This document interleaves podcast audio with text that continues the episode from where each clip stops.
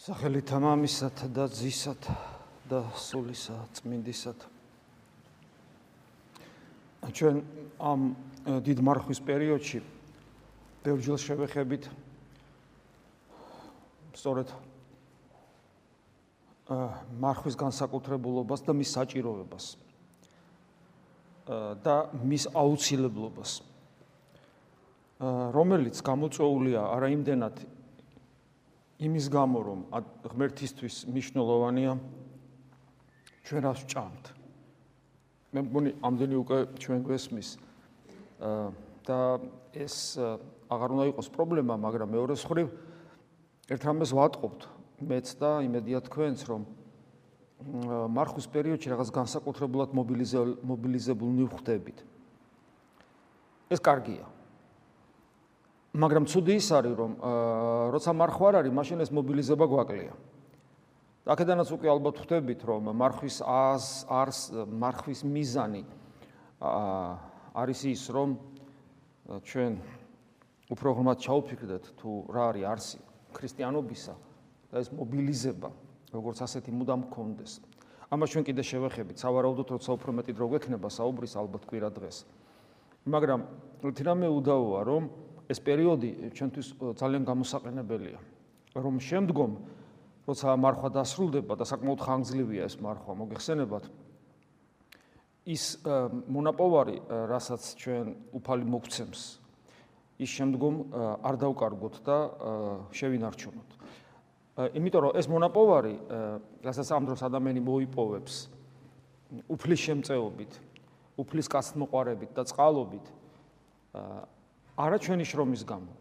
და თუ ჩვენ მაინც რამეს შუაში ვართ ერთადერთი ჩვენი სიმდაბლის გამო სიმდაბლეს ღვთის ნიჭია მაგრამ როცა ვცდილობთ თქვათ ამ კუთხით ვითანამშრომლოთ. ღმერთთან ის რასაც მოვიპოვებთ ამ დროს მოგვანიჭებს რასაც უფალი არის დამერწმუნეთ საოცარი რამ. ეს არის სიხარული. ეს არის ნეტარება. ეს არის სიцоცხლე არა მიწიერი და არა ამქვეყნიური. ეს არის მარადისობის განცდა და შეგზნება, რომელიც არასოდეს წაგვერთმევა, არასოდეს, არც ახლა აქ, არც წლების მერე და არც გარდაცვალების ჟამს და არც გარდაცვალების შემდგომ. ეს არის ძალიან მნიშვნელოვანი და სიხარულის მომნიჭებელი და მომცელი. ოღონდ ეს ჩვენთვის თეორია აღარ იქნება, ეს იქნება განცდადი. განცდადი. და თუ განცდადი არ არის, არც არც არც არსებობს. აი ეს ჩვენი რწმენა არ არის რაღაც აბსტრაქტია, ფილოსოფიური რაღაცა, საფხედველობა და ასე შემდეგ რაღაც იდეა. ეს არის რეალობა და რეალობა იმდენად მნიშვნელოვანია, იმდენად მნიშვნელოვანია, რომ ეს ყველაფერი იყოს რეალობა, თუ რეალობა არ არის, რწმენაც არ არის. როგორც სიმონ ახალი ღვთისმეტყველის სიტყვები მოყვავს ხშირად, ქრისტიანი არ არის ის, ვისაც არ აქვს ღმერთის ცოცხალი განცდა. არის განცდა ხარ ქრისტიანი, არ არის განცდა არა ხარ ქრისტიანი, ამ სიტყვის მაცხოვნებელი ნამდვილი დიდებული გაგებით.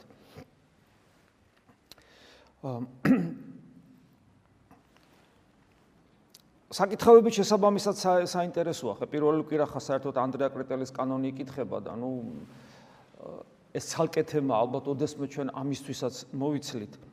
ანდრია კრიტელის კანონი მრავალი თქვენგანი ვერ ესწრება ხოლმე მესმის სამსახურებია და ასე შემდეგ, მაგრამ ერთი რამე არის, რომ ვინც ვესწრებით, ჩვენ ბოლომდე ისიც არ გვესმის. ჯერ ერთი თავად ასკეტური თვალსაზრისით და სინანულის თვალსაზრისით ძალიან ღრმა არის და მე ითხოვს ცოდნას წმინდა წერილისას. თუ წმინდა წერილი არიცი, ანდრია კრიტელის კანონს როგორც წესი ვერ გაიგებ.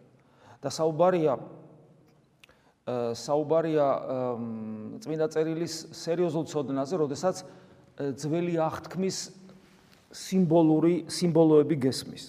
და ანდრია კრიტელის კანონი ეს არის კავშირი ძველისა და ძველი და ახალი აღთქმისა. ძველი აღთქმა როგორც ედგვარი აჩრდილი ახალი აღთქმისა. და ეს არის ღვთისმეტყველება ღვთისმეტყველება, იმიტომ რომ ნუ ეს თან საოცარი საოცარი საღვთისმეტყველო პოეტური ტექსტია. მაგრამ ეს არის ღვთისმეტყველება პრაქტიკაში გადმოღრილი.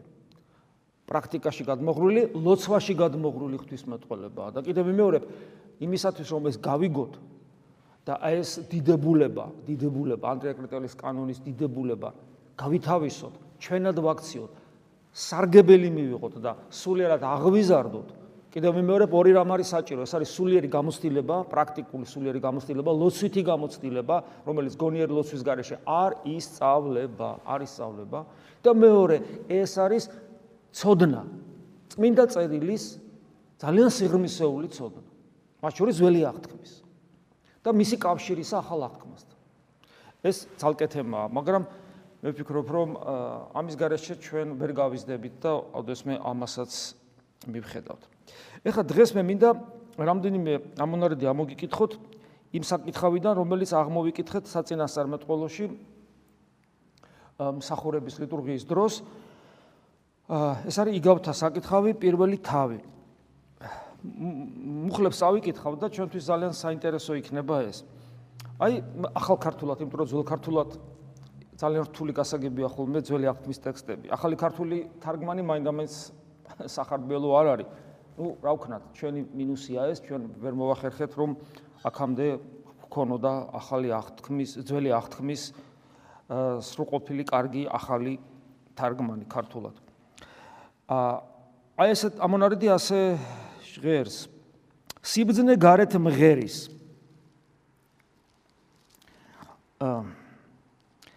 უ მღერის რამდენად სწორი თარგმანია მაგრამ ნუ ანუ ხმამაღლა ესე იგი გამოდის აქ ერთი ნიუანსია რომ სიბძნე არ იმალება სიბძნე არ მალავს თავის თავს ის პირიქით განცხადებულად და სადათო განცხადებულად მოედნებზე გამოსცემს ხმას და ვინც წმინდა წერილი სიმბოლიკა იცის, მან მეტნაკლებად იცის, რომ სიბზნე არის ღვთის სიმბოლო.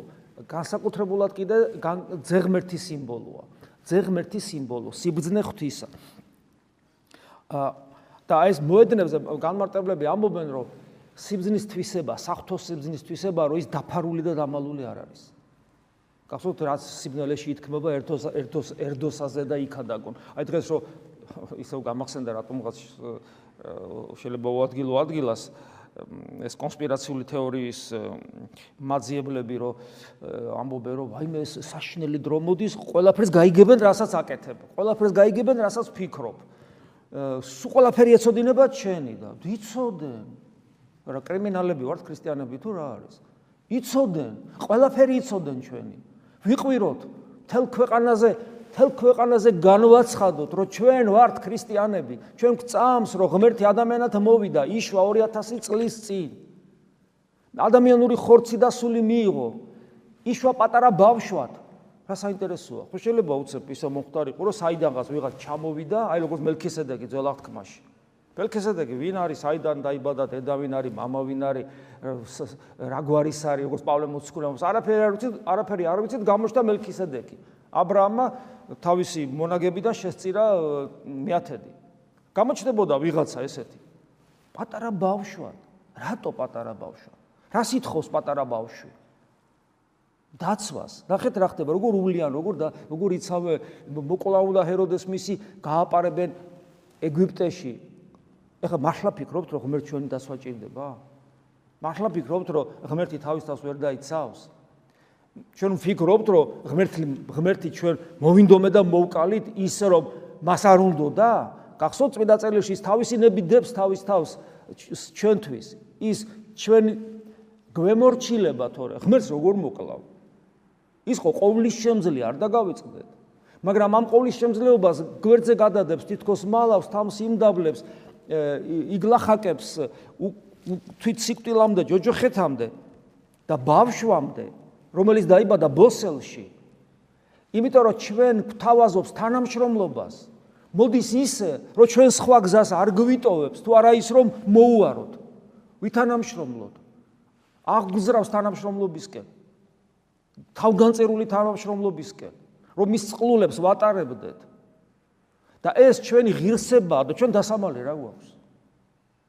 რა გვაქვს დასამალი? ვიყვიროთ, რომ ქრისტიანები ვართ. ვიყვიროთ ყველგან ჩვენი ცხოვრების წესი.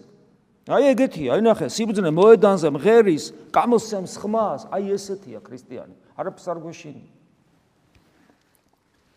ხმაურიან ადგილებში ქადაგებს, კარიბჭეებთან, ქალაქში, აცხადებს თავის სიტყვას.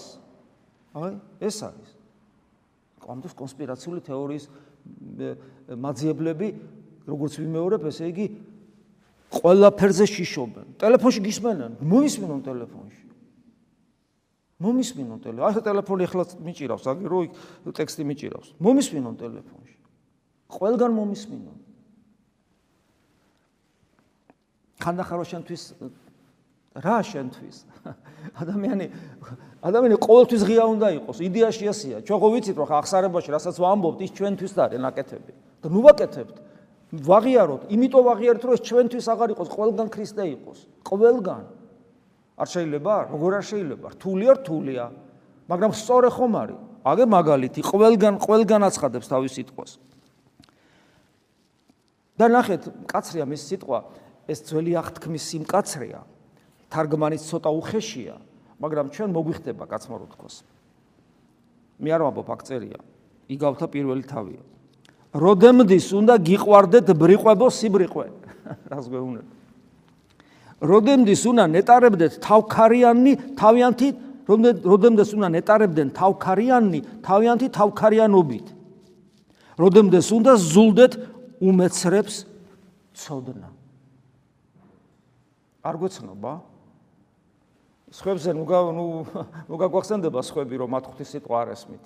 არ გვეცნობა ჩვენ თავზე ჩვენ რა გვესმის ჩვენ არ ვივიწყებთ ჩვენ არ არ ვავლენთ ამ სიბრიყვეს თავქარიანობას არ გძულს სოდნა ჭეშმარიტი ხსახთო როგორ როგორ როგორი იძულება გჭირდება საკუთარ თავზე რომ არ ვიყო თავქარიანი ბრიყვნი და რომ არ გძულდეს ღვთის სიტყვა და ჭეშმარიტება როგორი როგორი იძულება გჭირდება საკუთარ თავზე ამიტომ ეს სიტყვა ჩვენ ჩვენ განვუკუთვნოთ თითოეულმა ჩვენგანმა საკუთარ თავს და სხვისკენ მოგავიხედავ იმიტომ რომ ვიყოლთვის ვიპოვით იმას, იმ რა რა პოვნა უნდა სამყარო შეიძულა ქრისტე, მაგრამ ჩვენც არა ვართ შორს ამისგან.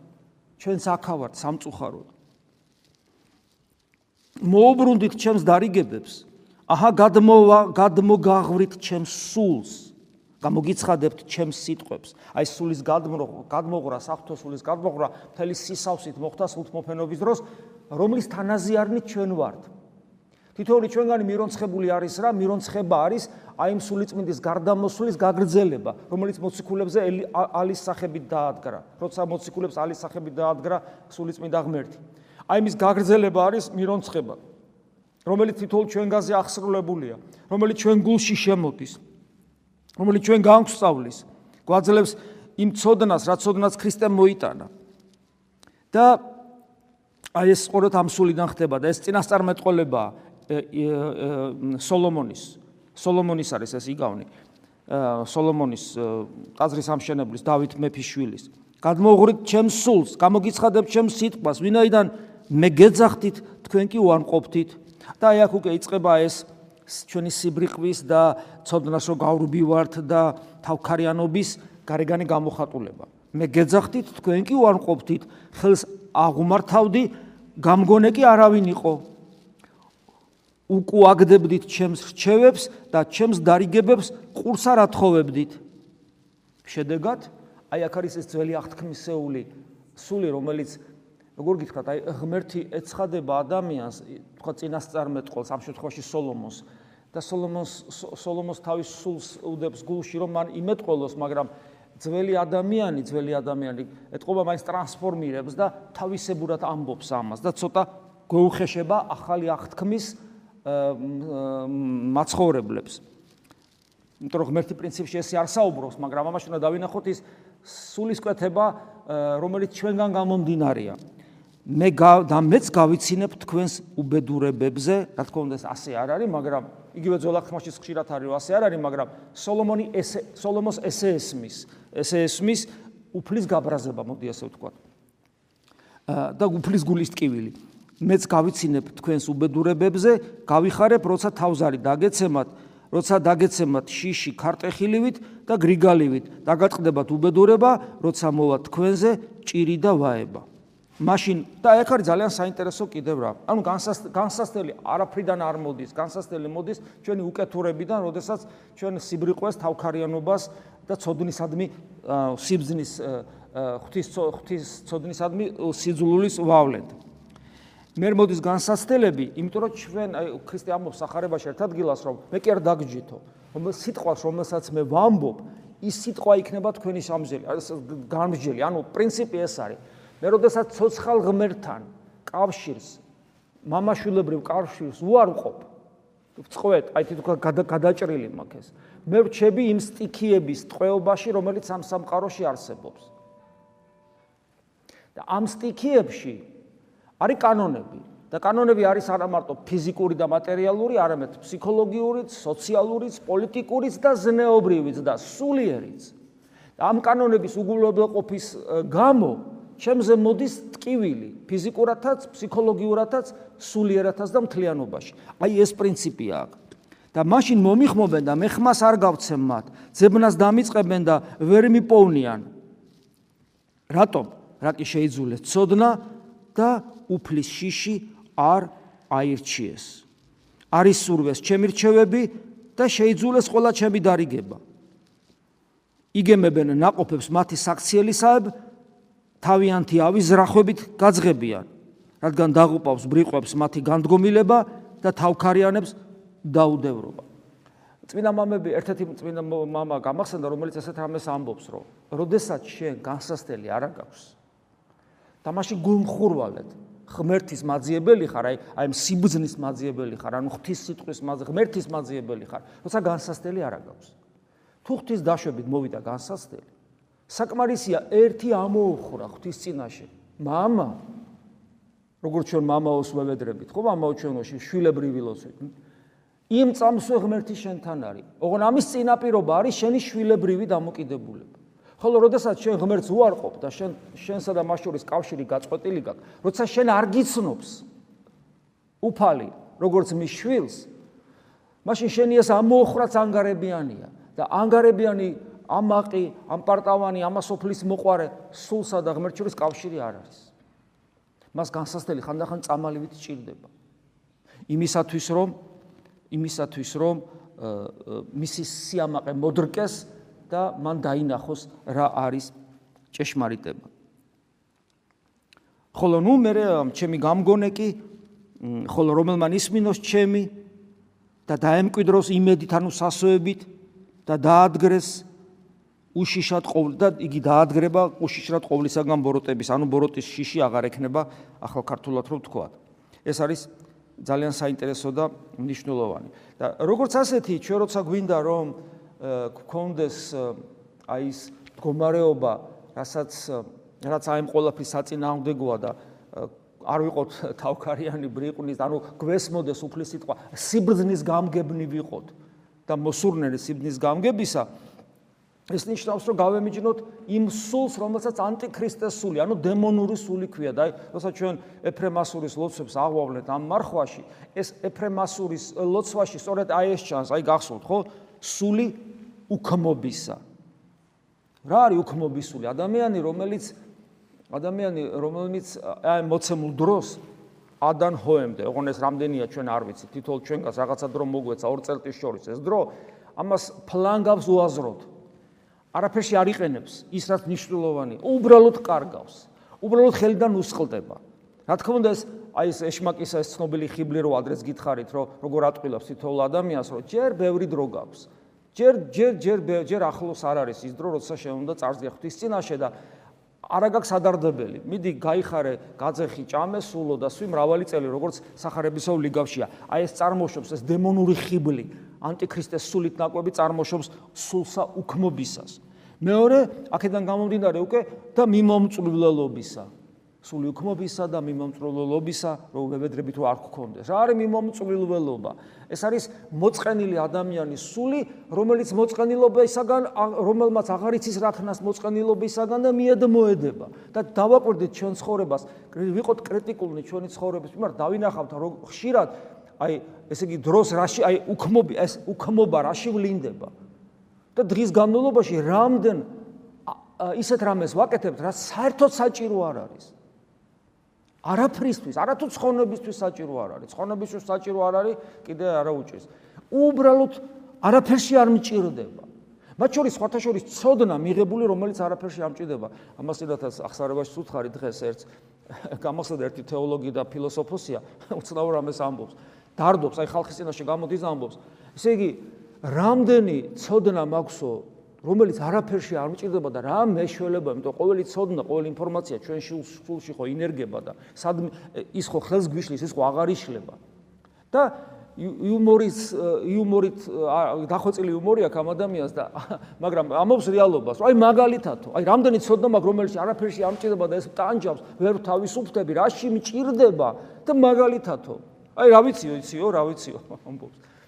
ვიცი ის მაგალითათო რომ აი სარძევე ჯირკვლები რომელიც ადამიანს აქვს მკერძე და მაიმუნს აქვს, ხო? მაიმუნი ანატომიურად გავს. ყველა ცხოველს აქვს მუცელზე, ძაღლზე ხო გინახიათ, ღორზე, მუცელზეა. ერთადერთი ოთხფეხა ცხოველი, რომელსაც სარძევა ჯირკვლები, მაიმუნივით და ადამიანივით კერძე გასპილო. ნახეთ რა ვიციო. და რა შემჭირდება ეს უბედურება რო ვიციო.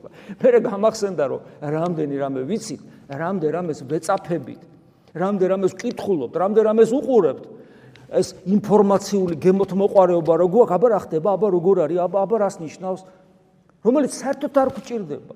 ხო და დღეს ვასაუბრებოდი სწორედ რომ მეკითხება ეს ადამ აღარ მახსოვს რომელი იყო რომ აი როგორ გავექცე ამ ცნობის მოყარეობას და მე გამახსენდა სტუდენტობის პერიოდში როცა აკადემიაში სწავლობდი აღმოაჩინე რომ მაგაცები მაინტერესებს, სულ მაინტერესებს, მაინტერესებს და მე მე ესეთი ვარჯიში მოვიგონე, რომ როდესაც რაღაცებს თქვა რაღაცებს საუბრობენ, ვიღაცები ლაპარაკობენ, რაღაცა ხდება, ჩემ თავს გამიშდა ინტერესი, აბა რა ხდება? აბა რაზე საუბრობენ? აბა რაშია საქმე? აბა რა ისმის? და ჩემ თავს ვკითხო, თეოდორე, ეხლა შენ ეს ცოდნა გჭირდება? ეს ინფორმაცია რამეში გჭირდება? აღმოჩნდა, რომ 99% შემთხვევა, ჩემი ინტერესი რომ აბა რა ხდება? აბა ვინ რას ამბობს? თურმე 99% მე არ მჭირდება. უბრალოდ ცნობის მოყარეობა. და საინტერესოა, ყოველთვის კითხვა რო დაუსვა, საკუთარ თავს აღმოაჩინე რომ არ გჭირდება. და ნელა დუმილს ისწავლი. ეს ენერგია წავა სიღრმეში და ეს შემეცნების სურვილი რომ შეიმეცნო ყველაფერი აღმოჩნდება რომ ძალიან ბევრი ძალიან მნიშვნელოვანია მაგრამ ძალიან ბევრი სულტყვილა იხარჯები და უს უდიდესი ნაწილი წავა შიგნით თვით შემეცნებაში და სულიერად გაიზდები, მოგემატება სიბრძნე, მათ შორის ინტელექტუალური, სიღრმე მიეცემა, ფილოსოფოსი გახდები, ამ სიტყვის კარგი გაგები. თუ არა და ეს უსაქმურობისაგან აღარ იცი რა ქნა და მოწყენილის მოწყენილობაში ვარდები, იმიტომ რომ შინაგანი სიციარიელე გაქვს და მოედები და ხდები მიმომწვლილველი. დაკეთებ უამრავ რამეს ისეც, ისმენ ისეთ რამეს, რაც არ გჭირდება არაფერში. ეს ეს დემონური სულია. იმიტომ რომ ამასობაში გადის დიდი სისწრაფით შენი ცხოვრება. არაფრით პაუზას ვერ გააკეთებ საკუთარ ცხოვრებას. ვერ დააპაუზებ. ცოტა ხანი მაცალე, ხა დავიძინო, გავერთო, დრო არ გამივიდეს. მე ამას მოყვება უსაქმური ადამიანი მიდგება მოდგება და დემონური სულით კიდე უფრო ივსება და თავრობის მოყარებისას აევედრებით ხო მეფრემასურის ლოცვაში აევედრებით თავ რა არის თავრობის მოყარება რა არის თაყვანი მეცი მე ქრისტეს ქრისტეს ეუნება ეშმაკი და მთელი სამყარო შენი იქნება აი მთავრობის მოყარება. თაყვანი მეცი, ანუ ადამიანს რომელსაც სულს ვიღაცაზე იბატონოს, ეს იქნება ცოლი, ეს იქნება ქმარი, ეს იქნება შვილი, ეს იქნება მოსწავლე, ეს იქნება მშობელი, ეს იქნება თანამშრომელი, ეს იქნება მრევლის წევრი და ასე შემდეგ, ეს იქნება მღვდლისაგან ერის ადამიანი, ეს იქნება ეპისკოპოსისაგან მღვდელი, ასე შემდეგ, ანუ ვიღაცაზე ეს იქნება მთავრობის წარმომადგენელი, როდესაც ცდილობს რომ თანამშრომელზე ან ხალხზე და ასე შემდეგ ეს თავრობის მოყარების სურვილი დემონური დემონური სურვილია. უფალმა სხვა რამე გვასწავლა, გახსოვთ ხო? ფეხები დაბანა თავის მოწაფეებს და გითხრა, ვისაც უნდა რომ იყოს უპირატესი, ის იყოს ყველა სახური. ეს ურთულესი განსახორციელებელი, ურთულესი. შედარებით კარგად გამოდის ხოლმე ბაბუას და შვილიშვილს. იმიტომ რომ შვილიშვილის ჭკუაზე და იმის ნებაზე დადის ხოლმე. ეს იდეალური შემთხვევაა, მინდა გითხრათ, მაგრამ ეს ადვილი განსახორციელებელი არ არის. ადამიანთან, სხვასთან. და მე ასეთ გულში დემონური სული მკვიდრდება და რაც გულსაშინა არეტევა, იპრიდან გადმოიღრება. ნამეტნავისგან გულისა იტყვის პირიო ქრისტე გვეუნება და ამიტომ აქედან იბადება ცუდათ მეტყველების სული. და ამას ვევედრებით, რომ ეს უქმობის, მიმოწრულობის, თავრობის მოყარების და ცუდათ მეტყველების დემონური ანტიქრისტას სული განმაშოროს უფალ. და ეს მიშლის მე ხელს ღვთის სიბზნის მოსმენა მინდოდეს. და ამის საწინააღმდეგოდ რას ვითხოვთ? სული სიწმინდისა, სიმდაბლისა, მოთმინებისა და სიყვარულისა. ვისი სულია ეს? განკაცებული ღმერთის, ანუ ქრისტეს სულს ვითხოვთ. ქრისტეს სულს. იმიტომ რომ ეს თუ არ არის ჩვენში, ჩვენ ქრისტესნი არა ვართ. ეს თუ არის ჩვენში, ქრისტეს სული, ის სული წინას გითხართ კვირასაც, ხო ეს სული ემოწმება ჩვენ სულს, ადამიანურ სულს. ეს სული ჩვენ სულს ემოწმება, უმოწმებს რომ ჩვენ ღვთისშვილები ვართ. ანუ ღვთისშვილობა ხდება რეალურად განცდადი. ამაზე მეტი ბედნიერება რა უნდა იყოს, რომ ღვთისშვილობის რეალური განცდა გაქვს.